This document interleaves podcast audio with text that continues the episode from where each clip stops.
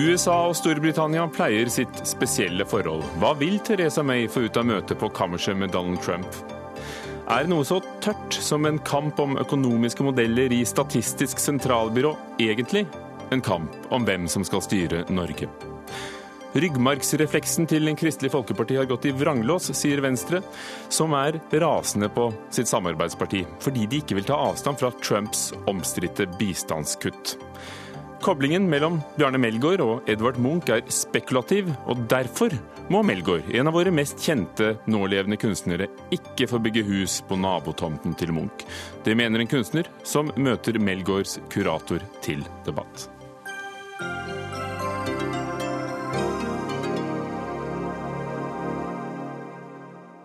Og det skjer her i Dagsnytt 18 i kveld med Ugo Fermarello i studio. Akkurat nå møter den britiske statsministeren Theresa May USAs president Donald Trump i Det hvite hus. May er den første av regjeringssjefene som besøker Trump etter at han for en uke siden ble tatt i ed i Washington. De to landene har alltid hatt tette forbindelser, og det ses på som en diplomatisk seier at eh, statsminister May er den første som får eh, møte den nye presidenten. Og de har jo alltid snakket om et spesielt forhold, special relationship. Kristin Haugevik, seniorforsker i Norsk utenrikspolitisk institutt, NUPI. Hvor viktig er dette møtet? Ja, det er som du sier, Litt sånn uavhengig av politisk ledelse, så er alltid det første møtet mellom en amerikansk og en britisk regjeringssjef viktig. Fordi man skal sette tonen, og man skal på en måte etablere kontakt mellom hverandres team. Eh, så Sånn sett så er det viktig uavhengig av at det er May og Trump.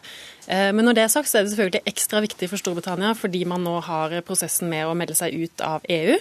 Eh, og Det er derfor viktig å, å på en måte etablere tidlig gode bånd til og gode, god dialog med, med Trump-administrasjonen. Og så er det klart at det er viktig for Donald Trump, som har hatt en skal vi si, litt, litt tung start, da, eh, å få noen gode nyheter og få etablert samtaler med en viktig partner, vil jeg si. Gro Holm, vår korrespondent på plass i Washington. Hvordan er eh, Theresa May blitt mottatt i Washington DC? Ja, De er jo fornøyd her med at hun kommer, men den nyheten om Teresa Mays besøk må jeg jo si, den havner langt bak i rekken av nyheter her. Det står f.eks. ingenting om det på forsiden i verken Washington Post eller New York Times. Og, eh, og, det skyldes jo at det er så mange andre nyheter her. Og forholdet til Mexico eh, er, er, på en måte den dominerende nyheten nå eh, om Trumps forhold til, til utland, utlandet og utenlandske ledere.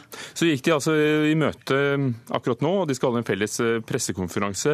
De som da følger denne nyheten, eh, blant de mange tingene som skjer i USA, hva er det de forventer å få ut av det? Ja, eh, de, de, vet jo at det skal diskuteres spørsmålet om en, eh, om en, mulig handelsavtale en gang i fremtiden når Storbritannia er ute av EU. Og de venter jo at dette skal være et positivt møte, at her skal USA også ha en, en samtalepartner i Europa som Trump føler at kan være en slags lyttepost for ham der. Det ventes ikke noe veldig konkrete resultater, mer kanskje en intensjonserklæring om at de skal samarbeide det tett og nært osv. Og så er det nok mange her, også på republikansk side, som håper at Theresa Teresa May skal klare å overbevise Trump om at det er viktig å holde fast ved Nato-alliansen, at det er viktig å stå ved klimaavtalen. Det er ikke minst blant demokrater mange som mener. Og, og, og så er det da ulike syn selvfølgelig på dette med atomavtalen med Iran. Eh, vi vet jo at Trump ikke er veldig glad i flernasjonale avtaler. Han liker mest eh, land-til-land-avtaler. Eh, så, så, det blir litt spennende å se hva slags signaler de kommer ut med når de to skal opptre sammen på en pressekonferanse. Så er det jo et gammelt mantra dette med at de har et helt spesielt forhold, et special relationship. Eh, vi husker jo Thatcher kom hjem fra møtet med Reagan og, og sa at denne mannen kan jeg gjøre forretninger med. Eh, hvor tette bånd er det mellom landene, og er det forholdet like spesielt eh, sett fra din side? Det har ikke vært så spesielt under president Obama. Han har jo nesten bevisst eh, distansert seg litt fra Storbritannia. og Det har vært også eh, ja, ulike syn på en periode på, på, dette med å gå til angrep eventuelt på Syria, hvor det britiske parlamentet stemte mot osv. Så, videre. så eh, det har ikke vært så, så nært under, eh, under, Obama som det var f.eks. da Blair var eh, statsminister og, og, man hadde eh, samarbeida med Irak-krigen, Blair og Bush osv.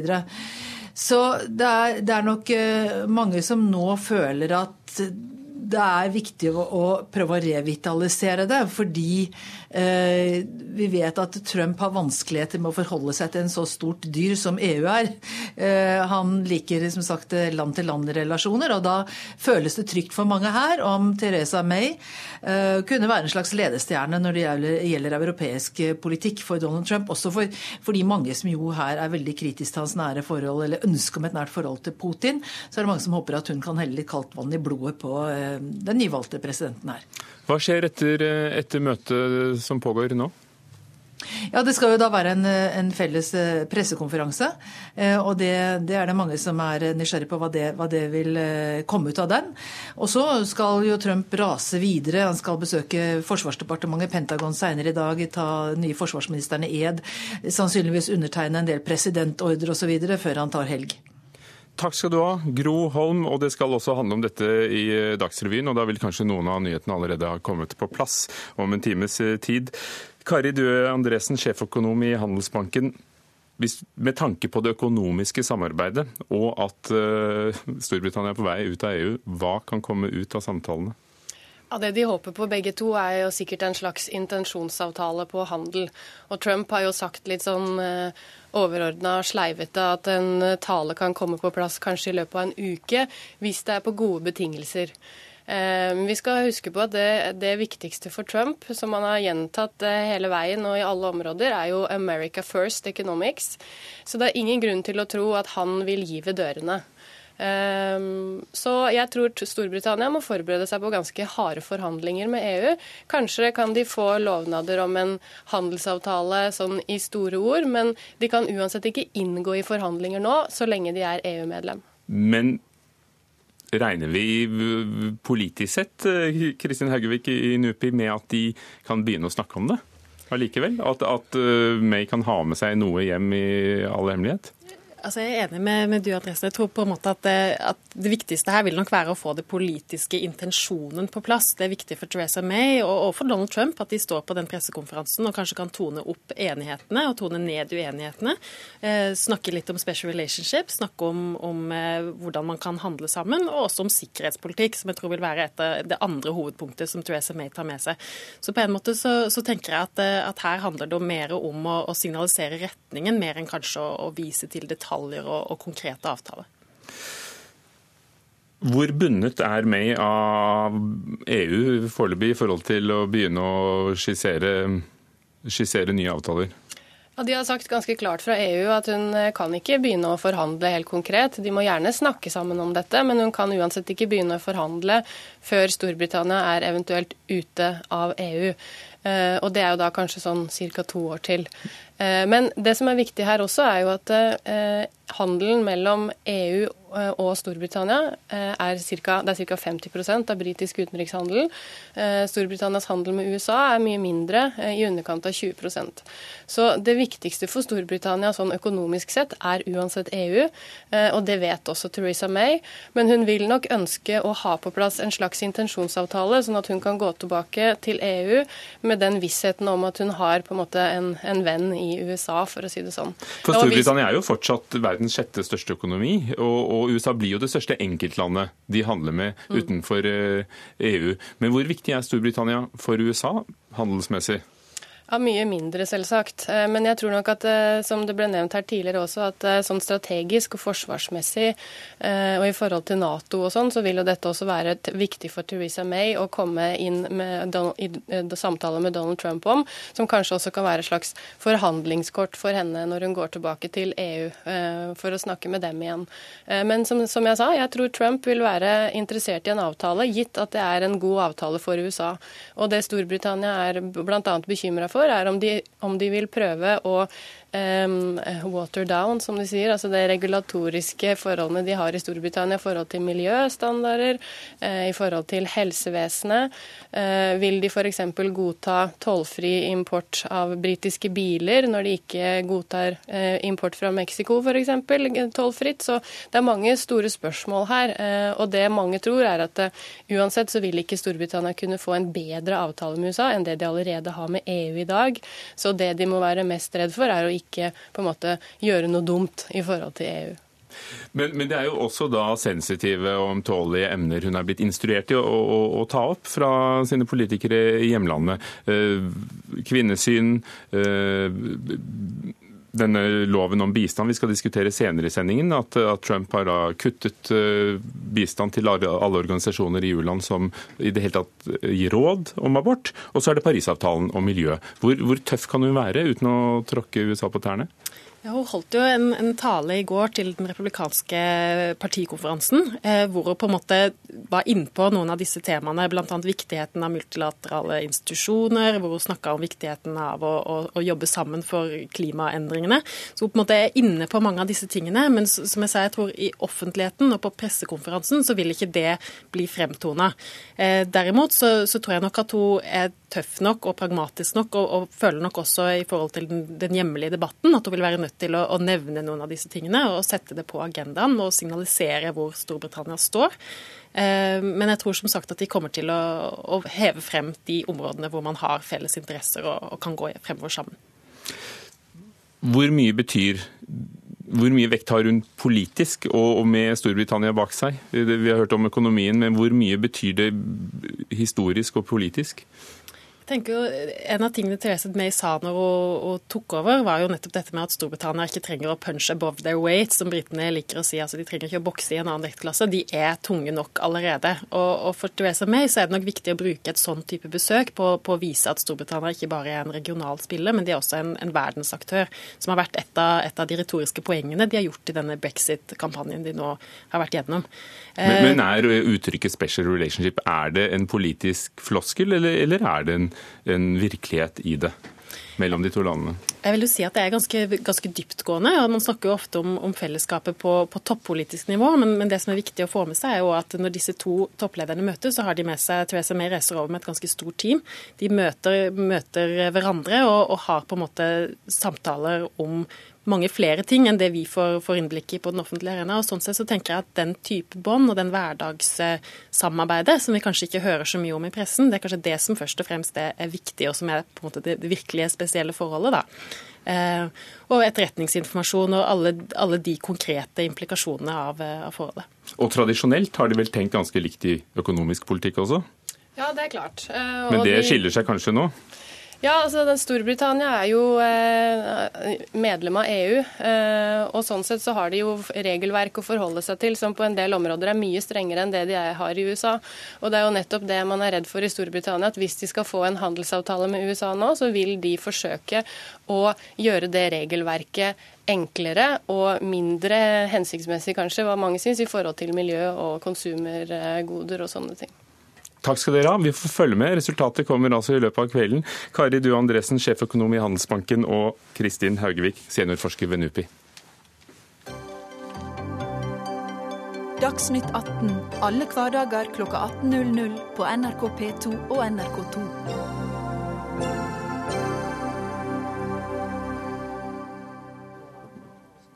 Det er eh, et opprør på gang i ærverdige Statistisk sentralbyrå, SSB. Et eh, eget internt utvalg har foreslått å vingeklippe forskningen og redusere antallet forskere fra 80 til et sted mellom 25 og 35. Og så er det også strid om hvilke økonomiske modeller SSB skal bruke. Dette skrev Finansavisen om første gang forrige fredag. Siden har flere medier omtalt uh, denne striden. På den ene siden er det de som vil beholde dagens modell, som tar utgangspunkt i store størrelser, som f.eks. hvordan renten påvirker privat forbruk. Og på den andre de som vil ha en modell som begynner med hvordan en forbruker reagerer på renteendring, og deretter legger dette sammen til et samfunnsnivå. Hilde Bjørnland, professor i samfunnsøkonomi ved Handelshøyskolen BI. Du og professor Kjetil Storesletten ved Universitetet i Oslo har sittet i dette utvalget som skal foreslå nye modeller og ny organisering av Statistisk sentralbyrå. Og dere mener at SSB ikke bør bare bruke én modell. Hvorfor? Altså, vi var bedt om å eh, komme med tilrådninger for en strategi for forskningsavdelingen. Eh, og det vi sier er at De bør ikke bare satse på én det gjelder særlig makromodeller, da, men én makromodell, men at de bør utvikle flere modeller modeller som i som har mer i forskningsfronten, og som da kan ta inn over seg elementer som det man har funnet ut i den nyere tid i forskning. Og da tenker vi ikke bare på én type modell, slik som du beskrev, men bredda modeller. For å sette det på spissen, én modell for hvert spørsmål fremfor én svær modell som de har nå. Og det som er fordelen med å se på flere modeller, er at du kan f.eks. konsentrere deg om modeller som ser mye på hvor er vi i konjunkturene nå, hvordan er, er det nedgang i økonomien. Prøve også å bruke til den nærheten man har til data, til å utvikle modellapparat som tar høyde for det.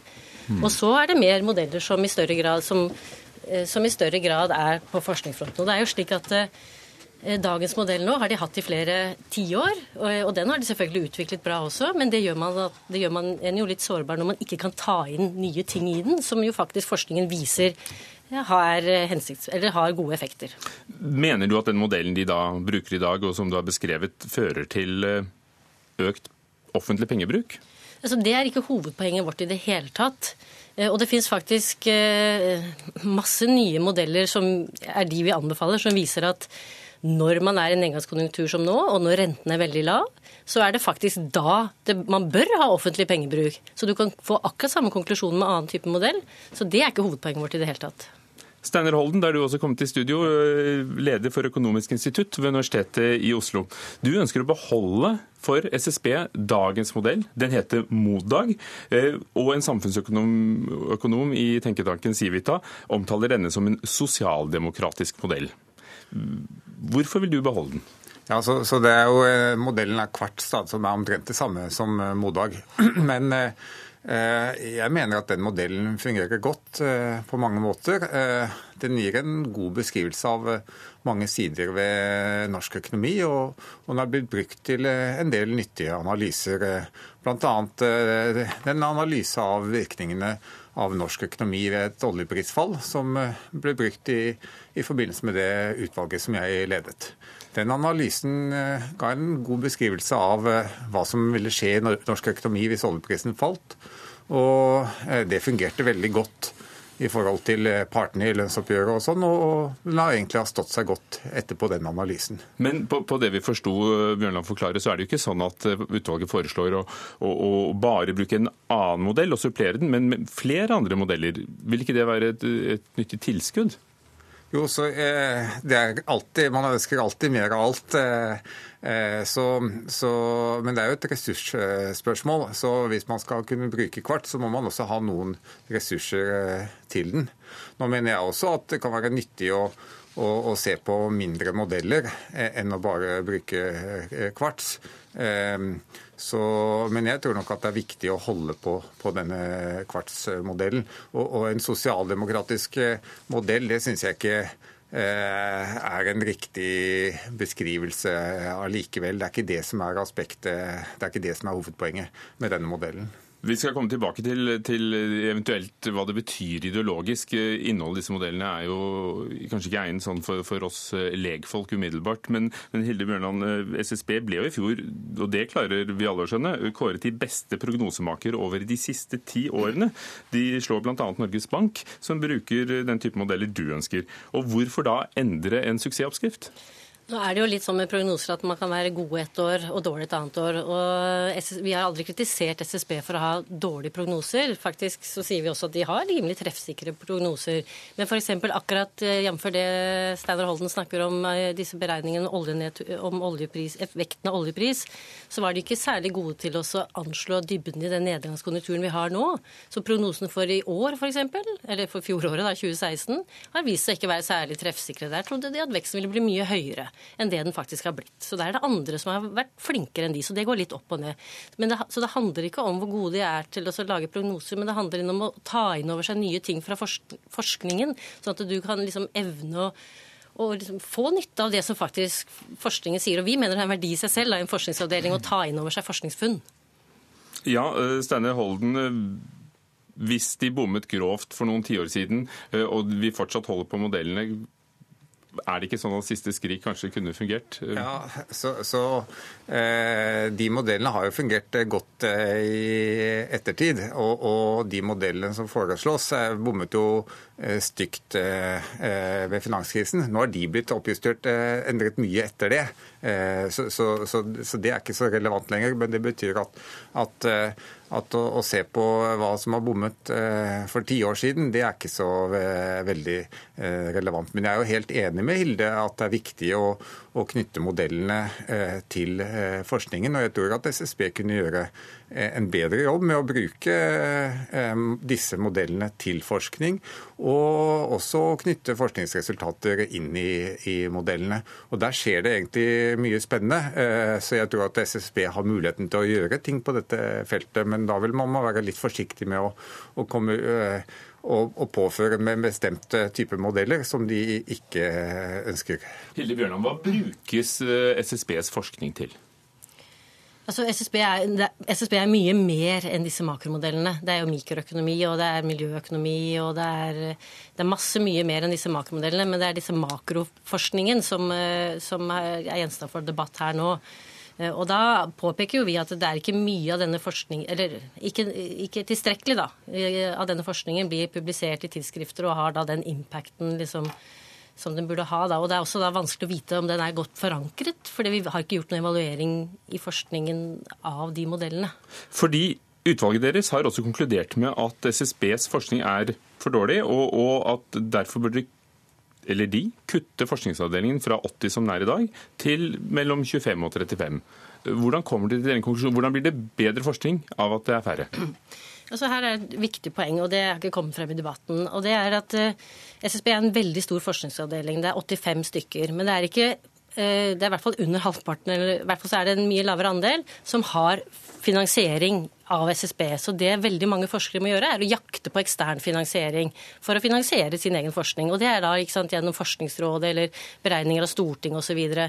så det vi sier er at ved å ha en mindre forskningsavdeling som er sikret finansiering, så kan du få god forskning av de, og de har gode rammevilkår. Og så kan du heller da la de modellene som er mer hva vi kaller som er sånn analysemodeller da, som kan brukes i teknisk beregningsutvalg. De tas man da ut, og så brukes, er det noe som SSB selv finansierer. Men forskningsavdeling bør bli mindre for å tilpasse seg den finansieringen de har, og for det basert på den type eh, eller liksom den forskningsaktiviteten de har nå i dag. da. Så, så, da får de en forskningsavdeling som er mer tilpasset det de faktisk har råd til og, og da kanskje skal drive med? Ja, så, Men nå gjør det jo mye oppdragsforskning som det er noen som er villige til å betale for. Så da antar jeg jo at de, de som da ber SSBs forskningsavdeling om å gjøre analyser og fortsetter å gjøre det, at de mener at de får noe eh, igjen for det. Og, og, og jeg er jo veldig enig i det, det perspektivet rapporten har om at man må, må forsøke å og har kvalitetskrav på forskningen, og det er internasjonal publisering er et viktig kvalitetskrav. Ja, for De sier altså jeg bare bryter inn, at det forskes for lite, de publiserer for lite og, og utsettes for for lite fagfellekritikk. Ja, så, så, jeg er jo enig i at de eh, burde publisere mer, og at det er et viktig kvalitetskrav. Der jeg ikke er enig med rapporten, er at de, de legger veldig mye vekt på de aller beste tidsskriftene, eh, nivå to. Mens veldig mye av det Det er bare 20% av tidsskriftene. Og det er jo veldig mye av det som eh, man forsker på i SSB, eh, norske forhold, om det er, hvis du skal forske på regionalpolitikk i Norge eller noe sånt, så er det vanskelig å få det publisert i disse nivå 2-tidsskriftene. Så jeg vil mene at det er mye forskning som kan være god kvalitet. Du kan stole på resultatene. Det er interessant hvis det er dette, det spørsmålet du vil svare på, og som publiseres i nivå 1-tidsskrifter, og som ikke er helt er innenfor den modellen som Hilde og eh, utvalget der beskriver. Så det, det, det mener jeg er verdifullt. For Hvis dette skal skrives for uh, amerikanske elitetidsskrifter f.eks., blir det ikke da mindre nyttig forskning for de som skal lage økonomisk politikk i Norge? Altså uh, LOs påtroffende sjeføkonom er bekymret for teknisk beregningsutvalg f.eks., som danner grunnlag for lønnsoppgjørene. For det er kanskje ikke sånn som de beste tidsskriftene gidder å lese om på engelsk? Nei, men er, Nå sier ikke vi at det skal være i topp amerikanske tidsskrift. og det som er viktig er at SSB har jo selv en strategi, en virksomhetsplan, som sier at de skal ha forskning på høyt internasjonalt nivå. Men det skal være empirisk, altså det skal være anvendt forskning, og det skal være på norske forhold. Og det viderefører vi. Så det, vi forutsetter at man skal forske på norske forhold, men vi forutsetter at man skal publisere i rimelig høye tidsskrift. I hvor stor grad er dette et spørsmål om politikk? Eh, du Steiner Holden, avviste at det var en sosialdemokratisk modell SSB bruker i dag. Men er det spørsmål om eh, høyre og venstre innen økonomisk tenkning? Jeg mener i hovedsak eh, nei. altså Det er definitivt ikke det som ligger bak eh, den rapporten som Hilde er med på. og Det er helt klart faglige faglig argumentasjon.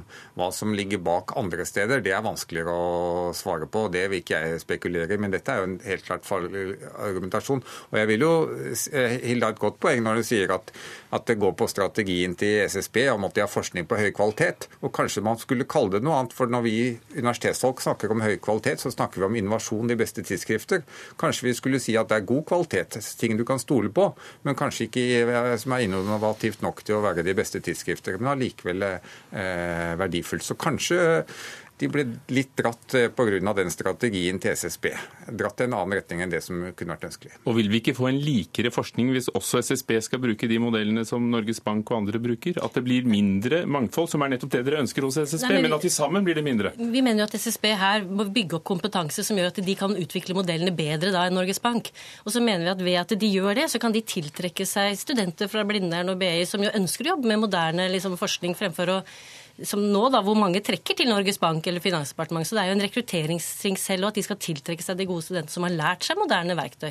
Og så kan jobbe videre med de og utvikle de. Så det, det tror jeg er en veldig viktig ting her også. Takk skal dere ha. Foreløpig. Eh, Einar Lie, professor i økonomisk historie ved Universitetet i Oslo. Du har skrevet om SSBs historie, Norges Banks historie og Finansdepartementet. Hva er det som skjer i eh, mastodonten SSB? Ja, Foreløpig så skjer det jo ikke så veldig mye. Det er kommet, et, eh, det er kommet en eh, rapport som diskuteres uh, høylytt. altså Bustad fyker her og der. og, og det er ikke veldig god stemning overalt. Det kommer jo frem av de debattene som har vært i avisene i det siste. Men jeg tror eh, ved siden av den faglige diskusjonen, som er interessant i seg selv altså denne her har jo, Debatten har jo fanget, fanget mye bredere. Så ligger nok dels det i at eh, måten forskningsavdelingen analyseres på, og diskusjonene omkring modeller, men også tankene om omorganiseringen av forskningsavdelingen og hvor den makroøkonomiske forskningen bør plasseres, så oppfatter nok mange at det ligger en desavuering i den tradisjonen som har vært frem til nå. Og når det gjelder Statistisk sentralbyrå, moderne Statistisk sentralbyrå, så er egentlig den makroøkonomiske analysen på toppen av økonomisk statistikk, nasjonalregnskapet, en veldig sterk del av identiteten og, og, ryggraden i den delen av institusjonen, selv om den er veldig omfattende. Og det er nok, eh, Der ligger mye av grunnen til de eh, interne eh, reaksjonene.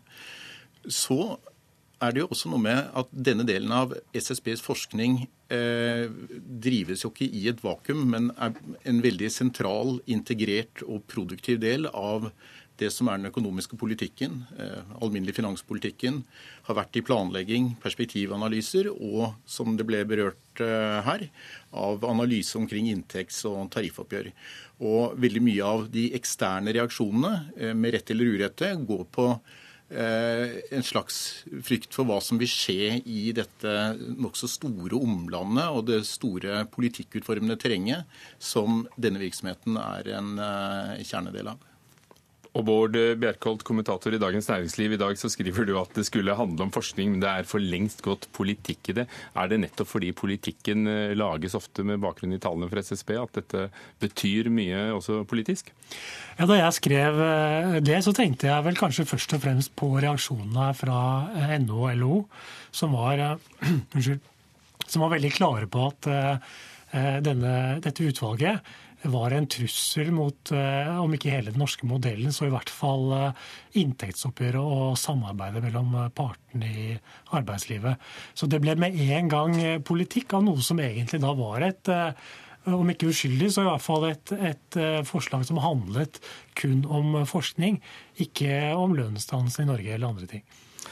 Hvordan er det mulig å tolke da SSB-sjefen Kristine Meyers ønske om å omorganisere og, og, se på mulighetene for det som et angrep på, på norsk lønnspolitikk og organisering av arbeidslivet? Jeg tror det har litt å gjøre med eh, som var litt, Når man så på ansettelsen av Meyer i utgangspunktet, da hun kom inn i SSB, så var det jo første gang det kom inn noen på toppen i SSB som ikke hadde den eh, vanlige bakgrunnen. For det første var det ikke en mann, og for det andre så hadde hun da ikke sosialøkonomi fra Blindern, som de fleste andre har hatt. Og hun hadde heller ikke bakgrunn i SSBs eh, makrogruppe. Hun kom inn fra Handelshøyskolen, eh, var sjef for Konkurransetilsynet og tidligere Høyre-politiker. Og Det ble jo tolket bl.a. av LO eh, straks som en politisk ansettelse som vil gjøre mye, mye skade. Einar i Finansdepartementet vurderes det nå om SSBs forskningsavdeling har livets rett, for det skal komme et statistikklovutvalg, eller det finnes, og det skal komme et forslag til en statistikklov hvorvidt SSB skal pålegges å drive forskning. Hvorfor har de ikke ventet på det lovforslaget?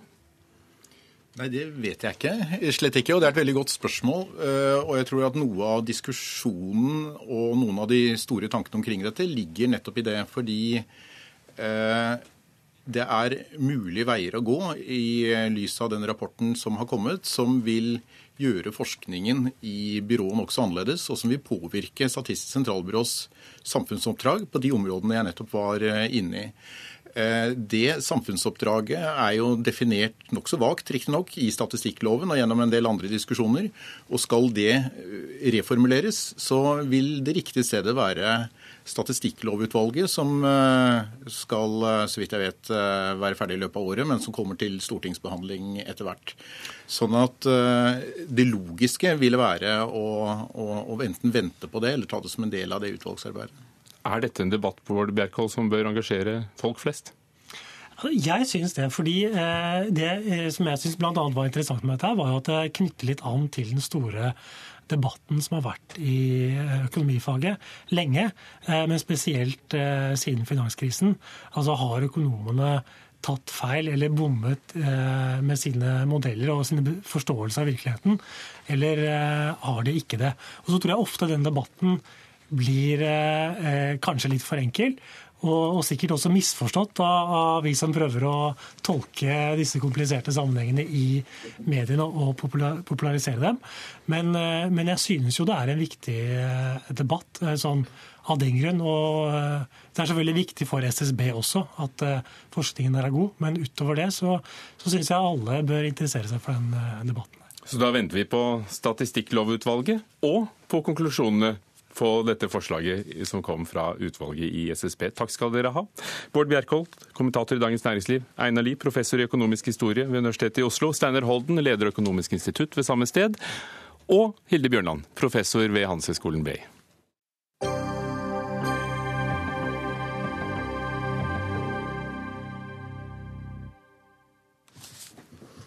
I Sverige åpner Moderaterna døren for de innvandringskritiske sosialdemokraterne, og vi vil ha svar senere her i Dagsnytt 18 på om det endrer det politiske kartet hos naboen vår, og skal snakke med bl.a. Svenska Dagbladets politiske kommentator mot slutten av Dagsnytt 18. Men nå skal det også handle om politikk, og den angår ikke bare USA og Norge, men hele verden. Antiabortregelen, som i USA går under navnet Global Gag Rule, altså en knebling over hele verden, eller også Mexico City Policy, er gjeninnført av Donald Trump og hans stab. Denne regelen sier at amerikanske bistandspenger ikke kan gå til organisasjoner som gir informasjon bl.a. om abort og ettervirkningen av skadelige aborter. Hjelpeorganisasjoner over hele verden tror at dette vil få dramatiske konsekvenser i u-land, og frykter at flere kvinner vil miste livet som følge av farlige og ulovlige aborter. Og i Norge så Venstre rødt da samarbeidspartiet Kristelig Folkeparti i går ikke ville si om de støtter denne regelen eller ikke. Guri Melby, sentralstyremedlem i Venstre. Aller først, Hva blir konsekvensene av at USA gjeninnfører denne regelen som de har hatt? Så har de ikke hatt den, og så har de hatt den igjen. Ja, det her er en regel som kan ha ganske dramatiske konsekvenser for eh, kvinnehelse, for barnedødelighet, men også for fattigdomsbekjempelse i veldig mange fattige land. Eh, det er en rekke organisasjoner som, som ikke bare jobber med kvinners reproduktive helse og, og helsetiltak knytta til fødsler, eh, men det er også organisasjoner som jobber med helt grunnleggende helsetjenester mange steder der de ikke har andre tilbud. Så vi risikerer at organisasjoner som jobber med å bekjempe hiv-aids, som jobber med å gi opplysning og informasjon om prevensjon og familieplanlegging, eh, ikke får støtte gjennom denne regelen. Og Det som da blir konsekvensen, er jo at vi risikerer mye høyere mødredødelighet. Eh, vi risikerer flere farlige og utrygge aborter. Eh, ironisk nok, under Bush-administrasjonen og andre som har hatt den regelen, så har det aborttallene i verden økt. Mens, mens man har da hatt mulighet til å støtte disse organisasjonene, så har aborttallene gått ned. Så muligheten til informasjon for å planlegge graviditet, få tilgang tilgang på prevensjon er ekstremt viktig for å holde eh, aborttallene lav. Så alle som er interessert i det, bør faktisk støtte disse organisasjonene i stedet for å nekte dem støtte. Stortingsrepresentant for Kristelig Folkeparti, Kjell Ingolf Ropstad. Støtter dere eller ikke USAs nye politikk? Jeg støtter deler av den, og så er det deler som jeg ikke støtter. og Derfor er det heller ikke et klart ja- eller nei-spørsmål på det. fordi som Guri Melby her godt påpeker, så er noe av det aller viktigste vi kan gjøre, det er å gi familieveiledning. Eh, det være seg prevensjonsarbeid, det være seg informasjonsarbeid, kamp mot barneekteskap. Og vi vet jo at f.eks. utdanning av unge jenter er noe av det viktigste vi gjør for å både redusere antall aborter, men også for å hindre at en blir gravid så tidlig eller gifta bort så tidlig som en ser. Og Nå vet vi jo ikke helt hvordan Trumps lovgivning vil fungere i praksis, men det er jo en annen viktig skille. og det er at eh, dersom organisasjonene eh, har en mer aktivistisk holdning, at de går inn i land som har et forbud mot abort, og prøver å utføre aborter eller prøver å endre lands lovgivning, så mener vi det òg er feil. Fordi en må respektere det enkelte landets lovgivning. Men å drive støtte til andre tiltak, det er vi for. Og nå er det altså sånn, sånn at Helt siden 1973 har USA ikke støttet organisasjoner som på noen måte utfører aborter. Eh, og fra 1984 innførte de første gangen under Reagan denne eh, politikken hvor de ikke støtter organisasjoner som i det hele tatt gir råd om aborter. 40-50% av verdens prevensjonsmidler innkjøpes bl.a. av disse organisasjonene. Og forrige gang USA innførte politikken, så Ropstad økte Norge bidragene til FNs befolkningsprogram for å motvirke eh, det at Bush kuttet til disse organisasjonene. Og Da var det dere, Kristelig Folkeparti, Silde Frafjord Jonsson, som var statsråd for utviklingssaker. Viser ikke det nettopp at eh, at ditt parti er veldig bevisst på at eh, disse organisasjonene også trenger penger? Jo, jeg synes det er et veldig godt eksempel som viser at FNs befolkningsfond det er en organisasjon som det, altså I FN er det jo konsensus. Der er det sterkt religiøse land, muslimske kristne, som har en streng abortlovgivning. Som har jo vært med å påvirke utforminga av hvordan de skal jobbe. Og Det er et organisasjon som vi støtter, de gjør et kjempeviktig arbeid. Men de mer aktivistiske organisasjonene som, som driver litt mer imperialisme, der en går inn i landet og ikke respekterer engang lovgivninga, det er en annen sak.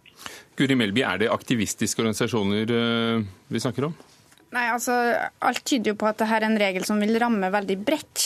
Og at også under Trump så vil den ramme veldig mye bredere enn den har gjort under tidligere presidenter. fordi at den ikke bare handler om bistandsmidler som går til familieplanlegging, men, men all bistand innenfor helsefeltet. Så det er en stor fare for at dette eh, fører til at eh, faktisk flere milliarder amerikanske dollar blir trukket tilbake fra kjempeviktige organisasjoner. Eh, og selv om jeg kan ha respekt for KrFs prinsipielle syn når det gjelder abort, eh, så syns jeg jo det er litt paradoksalt at de ikke kan ta klart og tydelig avstand fra en politikk som beviselig fører til flere aborter og til høyere barnedødelighet og til høyere mødredødelighet. Og Jeg kjenner jo KrF som et parti som har et sterkt engasjement for bistand, og som også har et sterkt engasjement for kvinners rettigheter, men de må se at dette er en politikk som er helt feilslått. Og jeg mener jo at dette er en politikk som vi som norske politikere må kjempe imot. Vi må bruke de internasjonale foraene vi har, vi må bruke våre bistandsmidler for å sørge for at denne politikken blir bekjempa, og at vi faktisk kan bidra positivt til kvinners reproduktive helse i hele verden. Og da skulle jeg gjerne ønske at vi hadde KrF med på laget. Ropstad, hvis det er sånn at Eh, det å støtte organisasjoner som driver prevensjonsveiledning og, og, tar tak i dette med at det altså er rundt 50 000 kvinner som dør som følge av utrygge aborter hvert år. Altså, eh, tallene fra Verdens helseorganisasjon er at 21,5 millioner kvinner må ta og ty til eh, utrygge, ulovlige aborter, og av dem dør 50% I noen land er tallene oppe i 20% av kvinner som tar aborter. Hvis de tallene går ned, er det ikke da bedre å støtte de organisasjonene selv om de, de snakker om abort, og, og, kanskje i noen tilfeller kunne vært kalt av deg aktivistiske, da?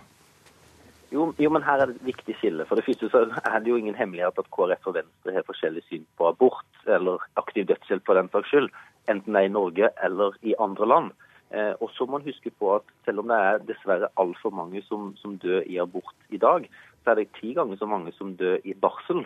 Og kanskje det viktigste tiltaket vi kan gjøre, det er å styrke enkelte lands helsevesen, sånn at de selv settes i stand til det. Men jeg støtter fullt ut at Norge skal være med og bidra til bedre prevensjonsveiledning, utdeling av prevensjon, bedre informasjon. Men det er jo viktig sånn at i bistanden så er det ikke nok av penger til alle tiltak. Det er dessverre mange tiltak som må gjennomføres, og vi skulle gjerne hatt mer penger. Og hvis du òg må prioritere, så er det sånn at jeg heller vil prioritere mer på prevensjon og informasjon enn jeg vil Men ville du gått inn for denne regelen uh, for, for norsk bistand? For det har dere jo aldri gjort. Og som sagt, Hilde Frafjord Jonsson var jo statsråd da dere økte tiltak som skulle kompensere for denne politikken fra USA? Nei, men vi advarer jo sterkt òg i Norge mot å, å, drive den jeg vil kalle mer aktivistiske linja i land, eller faktisk ulovlige linjer, der en har sett på, på, på, på, at vi f.eks. hadde gått inn i et land som har forbud mot abort, og eh, en organisasjon ønsker enten å drive aktivt lobbyvirksomhet for å endre lovgivninga, eller i tillegg utføre aborter. Det, det advarer vi sterkt mot i Norge. Og, og, Det som en ser Trump òg si, er jo at det, han vil fullt ut gi støtte til organisasjoner som driver prevensjonsveiledning eller informasjonsarbeid, så lenge det er avstand fra å eh, drive det aktive påvirkningsarbeidet rundt abort. Og Melby, Hvis du mener at eh, Norge og, og med dagens regjering skal eh, motvirke denne politikken, og det er høyt fokus i alle bistandsorganisasjoner på dette nå, men man går varsomt frem for å ikke øh, sette forholdet til USA på spill og, og, og, låse det enda mer i bistandsspørsmål. Men hvordan skal du gjøre det når dere har forskjellig holdning?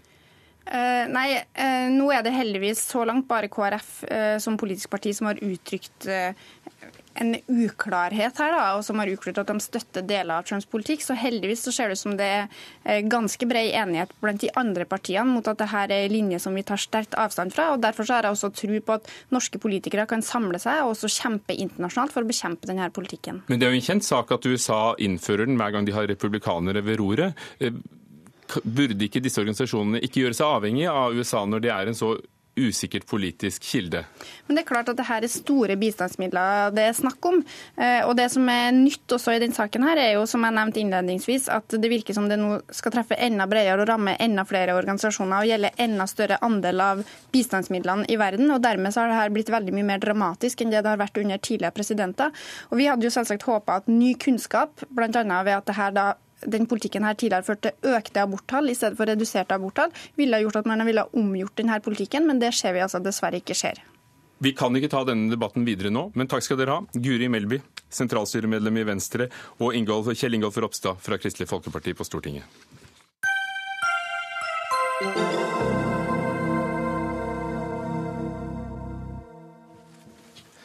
Edvard Munchs navn må ikke kobles til Bjarne Melgaard og det han står for.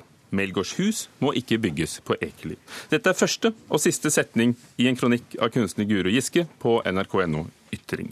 Og Ekeli Melgaard, som er altså en av våre mest kjente samtidskunstnere, har planer om å bygge et hus og atelier, det såkalte Dødshuset, på nabotomten til Munchs historiske tomt eh, litt utenfor Oslo sentrum, som heter Ekeli. Guro Giske, kunstner. Hvilken kobling mener du er blitt satt opp mellom Melgaard og Munch, som du har kalt spekulativ? Det skulle jeg gjerne hatt et par timer til å svare på. Men jeg, du får litt til. Men eh, eh, altså, koblingen som har blitt satt opp, er jo åpenbar. Det har vært en Melgaard Munch-utstilling på Munch-museet. Og Uh, og så videre og så videre. Jeg tror han kan svare bedre på hvilke videre koblinger de har tenkt seg. Um, og han, det er Lars Tofte Eriksen, kurator ved Munch-museet, kunsthistoriker. Eh, og det var du som kuraterte Melgaard pluss Munch-utstillingen, som satte publikumsrekord i 2015. Hva vil du si er de kunstneriske parallellene mellom Munch og Melgaard? Um, ja, Det er et stort spørsmål. Uh, først og fremst så var jo ikke uh, poenget med uh, Melgaard pluss Munch-utstillingen å påpeke et kunstnerisk slektskap mellom Melgaard og Munch, men snarere å reise noen fundamentale spørsmål omkring hvordan vi forholder oss til Munchs kunstnerskap i Norge. og sekundært gjennom eh, Bjarne Melgaards kunstnerskap trekke frem noen eh, relevante, eh, aktuelle tema eh, i kunstnerskapet til Munch. Eh, og det, I det perspektivet så er det jo eh, helt åpenbart at, for meg at Melgaard berører noen av de samme eksistensielle, psykologiske temaene Munch var opptatt av.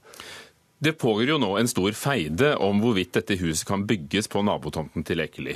Eh, det er et eh, spesielt utformet hus som eh, Melgaard har fått hjelp av arkitekter til å, tegne. Og det er søkt om dispensasjon fra visse fredningsregler på denne tomten. Og mange kunstnere i kunstnerkolonien Ekeli som ble bygd på Munchs tomt i etterkrigstiden, har dannet en aksjon for å gå mot den. Den er ikke du en del av, Giske, men, men hvorfor mener du så sterkt at dette huset ikke må bygges? Mm. Nei, jeg mener at det nå er ser ut for meg som det er noen krefter i gang for å koble Munch og Melgaard. Bl.a. det som du nevner nå om det eksistensielle og det psykologiske. Og der mener jeg at de faktisk tar feil. Jeg ser ikke den koblingen. Jeg ser en manipulert kobling eh, som, som blir kjøpt, men jeg ser den ikke. Jeg ser tvert imot en kontrast. Jeg ser at altså, Munch er jo den eneste kunstneren vi har med internasjonal ikonstatus. Og han er den eneste kunstneren vi har som fant opp, som var med å skape en ny eh, retning. Han var en av skaperne av, av eh, ekspresjonismen. Og det å uttrykke det indre var jo en del av hans prosjekt, nemlig det psykologiske. Men Munch fremhever det hellige ved eksistensen, ved den, ved den menneskelige eksistens. Og det syns jeg ikke Melgaard gjør i det hele tatt. Jeg syns han eh, tvert imot vanhelliger for den saks skyld. Jeg syns, eh, jeg syns ikke den felles Jeg syns det mer er en kontrast. Men hvorfor, eh, hvorfor mener du at det skal gjøre at ja. han ikke skal få bygge dette huset? Ja, eh, altså, Jeg har bodd noen år i Firenze. I Firenze har de fredet åsene rundt Firenze. Altså, denne, Dette stedet vil ligge rett i glaninga når du står ved Munchs atelier og ser utover det landskapet som Munch så, og som han malte bl.a. i denne 'Stjernenatt' eller 'Vinternatt' eller hva det bildet heter. Altså Vi har bilder av Munch som, hvor han har malt dette landskapet, og der vil da den komme eh, som en sånn Hver gang du er der og ser hva Munch så Vil du se Melgaard? Og jeg er helt uenig. Jeg synes, og, og, det blir brukt nå som argument at man, det vil hjelpe Munch, liksom. Og jeg syns ikke Munch trenger den hjelpen. Jeg syns Melgaard trenger den hjelpen. Jeg syns ikke den skal han Han, han skal ikke det, Munch skal holdes eh, for seg selv når det gjelder varige ting. Og denne saken pågår nå eh, mellom Riksantikvaren, som har sendt den tilbake til Byantikvaren for å utrede miljømessige forhold og hvordan denne, dette huset vil gripe inn i fredningen. Og, og Lars Tott Eriksen, du skal slippe å svare på antikvariske spørsmål, men syns du huset er en god kunstnerisk idé? Det syns jeg. Uh, Hvorfor? Det er uh, et prosjekt som for meg virker ganske paradoksalt å reise i et, eh, i et villastrøk, av, uavhengig av hvor det villastrøket befinner seg. Eh, men Villastrøk handler jo som regel om å lage gode boforhold for de som bor der. Og det er jeg jo absolutt tilhenger av. Men det Melgaards prosjekt gjør, er å reise noen helt fundamentale spørsmål rundt hva det vil si å bygge et liv, og hva det vil si å å bygge, eller å bo eh, og på en måte bygge sitt liv rundt en, en fast struktur. Eh, for denne her eh, bygget er på en måte en slags negasjon av et hus. En fornektelse av et hus, men ser du at for alle som besøker Munchs atelier Ekely som står igjen, huset hans ble jo revet på 60-tallet, men ser du at for alle som går der, så vil vi nå alltid assosiere det med Melgaard, og at det kan ses på som ja, noe Melgaards navn, berømmelse og kunst kan profitere på? Det, det vet, jeg ikke, vet, jeg ikke, helt. Eh, men eh, selvfølgelig så eh, Tilbake til Melgaard pluss Munch. Selvfølgelig er det sånn at Bjarne Melgaards kunst og kunstnerskap profitterer på en utstilling som vi hadde på Munch-museet.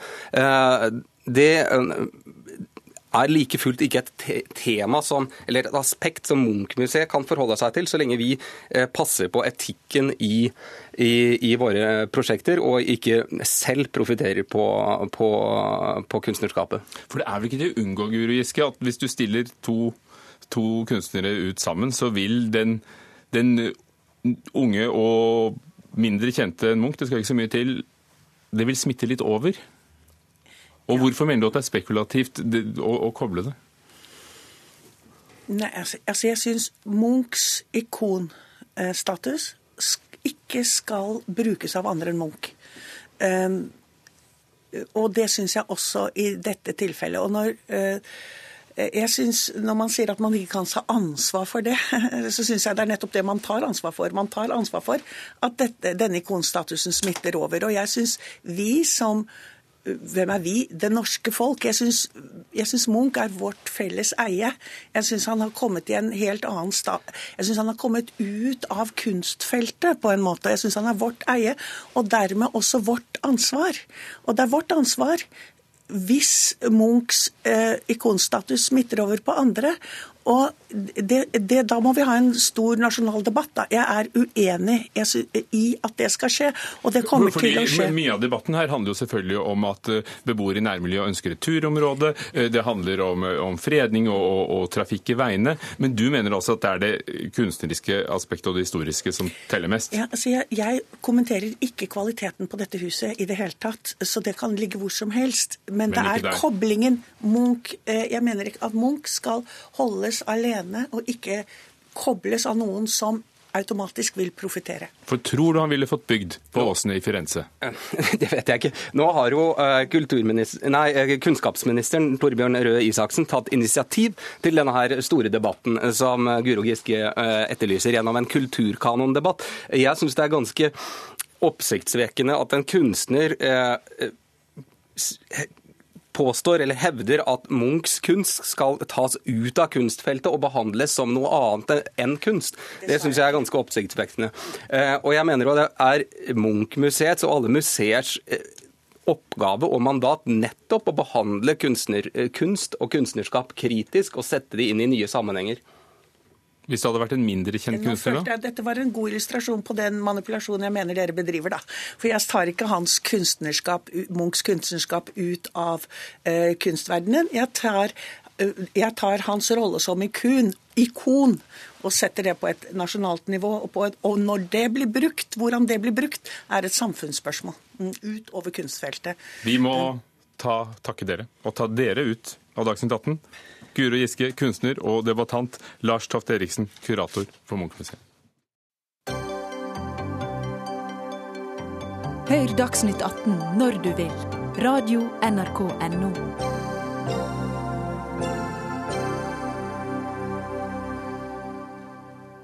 Det svenske Moderaterne, som altså er Høyres søsterparti, har takket ja til en henvendelse fra de kjente Sverigedemokraterne om å møtes. Til nå har ingen andre svenske partier ville snakket eh, eller samarbeide overhodet med det innvandringskritiske partiet Sverigedemokraterne. Representantene for de to partiene skal møtes um, innen kort tid. Dette skrev eh, Dagens Industri i ettermiddag. Og Det var i forrige uke varslet at eh, Moderaternes leder, Anna Kinberg Batra, at hun var klar for samtaler med Sverigedemokraterna, men til nå har det vært litt uklart hva det innebærer. Gøran Eriksson, politisk kommentator i Svenska Dagbladet. Aller først, eh, de nye signalene som Kinnberg Batra kom med i forrige uke. Hvor, hvor overraskende var dette for uh, det politiske Sverige? Ja, det, det, var nok ganske overraskende, tror jeg. Hun, hun har det, var en, det var en veldig Eh, vad ska man säga, radikal omsvängning. Tidigare, man har tidigare isolerat det här partiet och eh, nu plötsligt över en natt till synes så, så vände, man och bytte linje. Man, så här, jag skulle säga att de flesta har kanske trodde att det här skulle hända på sikt men jag tror inte att det var så många som trodde att det skulle hända förra veckan. Aner du noe om hva de kommer til å snakke om? Hvor konkret de kommer til å være? På det her møtet? Som de... Ja. Nei, jeg tror, jag vet inte. Jag tror att det, det plågar Moderaterna lite grann. Moderaterna vill nog inte helst ha det här mötet, men, men Sverigedemokraterna blev ju naturligtvis ohyggligt glada över beskedet från Anna Kinberg Batra och tog då, deras tjänstemän tog kontakt med Moderaternas tjänstemän och nu, ja, Moderaterna kunde inte gärna säga nej till att ha ett möte. Sverigedemokraterna säger att de vill tala om migrationspolitik, alltså invandringspolitiken och kriminalpolitiken. Eh, og ja, så Det er mulig at minst Sverigedemokraterna kommer å gjøre det. Odd Igge Skjevesland, journalist i ved Aftenposten, eh, tidligere Nordens-korrespondent for, for, dem. Hva er det som har endret seg i svensk politikk når dette plutselig er mulig? Tidligere statsminister Fredrik Reinfeldt var helt kategorisk på dette spørsmålet. Ja, det er, det er, jo ganske dramatisk det som har skjedd, men jeg mener at det har skjedd litt over tid. For dette, da Reinfeldt tapte valget for drøyt to år siden, så skjedde det også det at Sverigedemokraterna ble Sveriges tredje største parti. Og det er en sånn demokratisk problem å skulle holde et såpass stort parti utenfor. Og det har Kindberg Batra merket hele tiden, og hun var ikke på Reinfeldts steinhårde linje mot eh, Sverigedemokraterna. Og hun har vel følt seg presset, altså litt frivillig tvang. altså Hun har selvfølgelig gått frivillig inn i dette, men følt seg tvunget i en ganske pressa situasjon. For Moderaterne gjør det dårlig på meningsmålinger, og Sverigedemokraterna puster dem i nakken. Og hun har fått mye pepper for å liksom sitte stille og rolig omtrent i båten og ikke gjøre noe særlig og prøve å, å felle den sittende regjering, som alle på borgerlig side mener gjør en dårlig jobb. Ser du noen paralleller til norsk politisk historie? Ja, altså hvis du tenker på et forhold til et parti som sitter i regjering i Norge nå, eh, Fremskrittspartiet, så er det f.eks. både likheter og forskjeller. Altså Der er det viktig, og særlig kanskje for svenskene, å skjønne at det er stor forskjell på Sverigedemokraterna og Fremskrittspartiet. Eh, med, og det har med bakgrunn å gjøre, og det har med hvordan de har hatt en, en type oppførsel og uttalelser som Frp-er ikke har kommet med. Men det, det, tar mye lengre tid. Altså, De er begge sitt lands uh, mest innvandringskritiske parti. Men Frp har vel aldri vært så lite stuerene som det Sverigedemokraterna er. Det er ikke mer enn et halvt år siden Fredrik Reinfeldt sa at Sverigedemokraterna har, har uh, ført hatet inn i svensk politikk. Og, og så sterk uh, har vel ikke selv Kåre Willoch uttalt seg om, om Frp. Så, men også er det også dette som Gøran Eriksson var inne på, at denne tiden Det har gått veldig forholdsvis fort tid da, eh, før denne samtalen, eh, disse samtalene kommer til å, til, til å finne sted. Eriksson, Moderaterna er en del av den borgerlige alliansen som, som vil danne et regjeringsalternativ. Hva gjør det med disse alliansene og de tre partiene når det ene av dem da begynner å, å snakke med de hittil forbudte Sverigedemokraterna? Det har ju förstört stemningen stämningen fullständigt i alliansen som, som man ska komma ihåg var, var en historisk skapelse. I Sverige har borgerligheten haft, det, det finns väl delvis i Norge också, men i Sverige har borgerligheten haft väldigt svårt att hålla, hålla ihop. Eh, Fredrik Reinfeldt lyckades då skapa den här alliansen och de regerade i åtta år, vilket är längre än någon borgerlig regering någonsin har suttit. Det, ja, det var en stor en framgångssaga i den meningen. Nu, det här beskedet har då gjort att Centerpartiet, både Centerpartiet och framförallt Centerpartiet och Liberalerna är väldigt kritiska mot, mot Moderaterna. Och man kan säga att den här alliansen har lite grann spruckit i en liberal falang som är då Centern och Liberalerna och, och en mer konservativ som är Moderaterna och Kristdemokraterna. Mm. Alltså de, de samarbetar på de, Alliansen är inte upplöst men den, är, den dras isär i alla fall. Og den har vel kanskje sprukket flere ganger, altså sprukket og sprukket underveis i den tiden som har gått etter at eh, regjeringen til Reinfeldt gikk av. Og Sånn sett så er kanskje ikke Kinberg Batras utspill nå så sensasjonelt, selv om det jo skaper usikkerhet på borgerlig svensk side. Men hva står Sverigedemokraterna for i, i, alt det andre? Altså, Har de en politikk som vil kunne matche de fire partiene i den borgerlige alliansen? Altså, Det er ikke det de har markert seg. Ja, ja, ja Skjevesand, kom igjen først. Jo, eh, nei. Altså, de har jo ikke markert seg på så veldig mange andre områder. Men fordi de har kanskje tatt ut potensialet som Sveriges eh, største parti blant menn, så, så, jobber de en del i forhold til kvinner og snakker om flere jordmødre, og, og at barn som har det vondt i forbindelse med skilsmisser og sånn, eh, skal, eh, skal, få hjelp. Og, og, der har de et potensial i hvert fall. Men, men det spørs om eh, Altså, ja, det er kort. E, e Eriksson, hva, har, har de en politikk ellers også som vi ikke hører om i Norge? Nej, men det är väl så här, de, de, är, de är lite eh, både och-parti. De är, man kan säga, i viss mån står de till vänster i fördelningsfrågor. Och medan de är ganska, ganska höger vad gäller kriminalpolitik, vad gäller invandring och sådär. Så att de, de har väl, de skulle väl kunna samarbeta med, med båda blocken om det inte vore för invandringspolitiken som gör det nästan omöjligt att samarbeta med någon. Men, men de är väl, eh, de är väl lite sådär, det finns väl lite Trump drag nu, alltså de appellerar delvis till, till liksom, till, vad ska man vad säger man i Amerika? Vit arbetarklass, sådär. Konservativ, konservativ arbetarklass är liksom.